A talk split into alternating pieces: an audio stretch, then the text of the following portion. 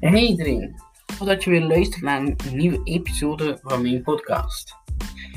Ik ben Milan Kastlijn en vandaag gaan we het hebben over mijn top 10 beste films. Natuurlijk is dit gebaseerd op mijn mening. Laten we beginnen.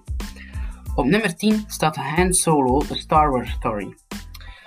Door middel van een reeks uitdagende avonturen in een duistere en gevaarlijke criminele onderwereld ontmoet Han Solo zijn toekomstige co-piloot Chewbacca. Samen treffen ze de beruchte hokker Lando Calrissian tijdens een reis die de loop zal bepalen van een van de meest onwaarschijnlijke helden van de Star Wars saga. Op nummer 9 staat Aquaman. Aquaman volgt Arthur Curry, erfgenaam van het onderwaterkoninkrijk van Atlantis. Arthur zal uit de schaduw moeten treden en zich een ware leider moeten tonen als heerser van de zeven zeeën. Dit moet hij doen tussen een wereld aan de oppervlakte die de zee vernietigt en de spanningen binnen zijn eigen onderwaterrijk. Op nummer 8 staat Mission Impossible Fallout. Mission Impossible Fallout is agent Ethan Hunt sorry, en zijn IMF-team naastig op zoek naar drie kernkoppen voordat deze gebruikt worden om de wereld op te blazen. Hij kreeg tegen wil en dank hulp van Agent Walker. En ook andere oude bekenden komen ten tonele. Op nummer 7 staat Rogue One. Rogue One staat, uh, speelt zich af net voor episode 4, de allereerste Star Wars film uit 1977.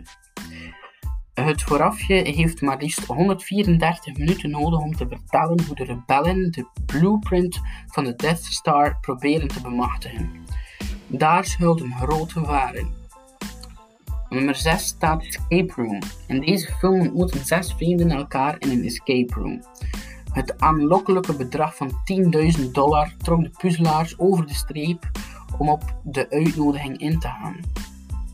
Al snel ontdekten de deelnemers dat er iets niet pluis was en het spel letterlijk dodelijk is.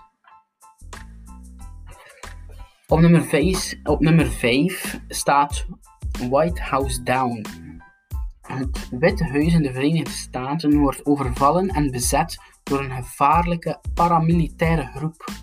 Een agent van de geheime dienst, John Cale, krijgt de belangrijke en zware taak om het leven van de Amerikaanse president te redden. Op nummer 4 staat Pirates of the Caribbean Salazar's Revenge. Kapitein Jack Sparrow, achterna gezeten door een oude vijand, Captain Salazar, die samen met zijn uh, bemanning van spookpiraten is ontsnapt uit de Bermuda-driehoek en vastbesloten is om elke piraat op zee te doden. Jack probeert drietand uh, van Poseidon te bemachtigen, een krachtige artefact die dat de bezitter de volledige controle over de zeven zeeën verleent. Hij wil de drietand gebruiken om Salazar te verslaan. Om dit te laten slagen moet hij een alliantie vormen met Henry Turner, een eigenwijze zeejongen die met de drietand de vloek van Will Turner, zijn vader, wil verbreken en met Carina Smith, een bloedschone astronoom die haar zoektocht naar de drietand wil voltooien. Op nummer 3 staat Force Awakens. Het verhaal speelt zich zo'n 30 jaar af na Return of the Jedi. Het sluitstuk van de oude trilogie. Het rijk van Darth Vader vernietigd, is vernietigd, maar uit de as is een nieuwe troepenmacht op, opgestaan. De New Order met de boosaardige Kylo Ren. Op nummer 2 staat The Rise of Skywalker. Een nieuw gevaar dreigt voor de Jedi. Een onbekende supermacht heeft in de schaduwen een massaal leger opgebouwd met Star Destroyers die met uh, een enkel schot een planeet kunnen vernietigen. Deze zijn verborgen op een geheime planeet en Kylo Ren is naastig op zoek om zo de leiding en de troon op te eisen. En mijn uiteindelijke nummer 1 is geworden Last Jedi. Last Jedi speelt zich nagenoeg meteen af na de gebeurtenissen van The Force Awakens.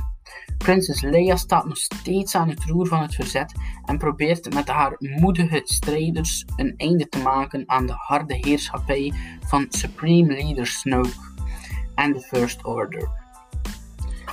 Dit was mijn top 10, gebaseerd dus op mijn mening. Ik hoop dat jullie.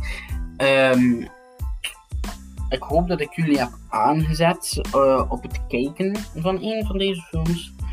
En hopelijk zie ik jullie bij de volgende episode van mijn podcast. Tot de volgende. Bye bye.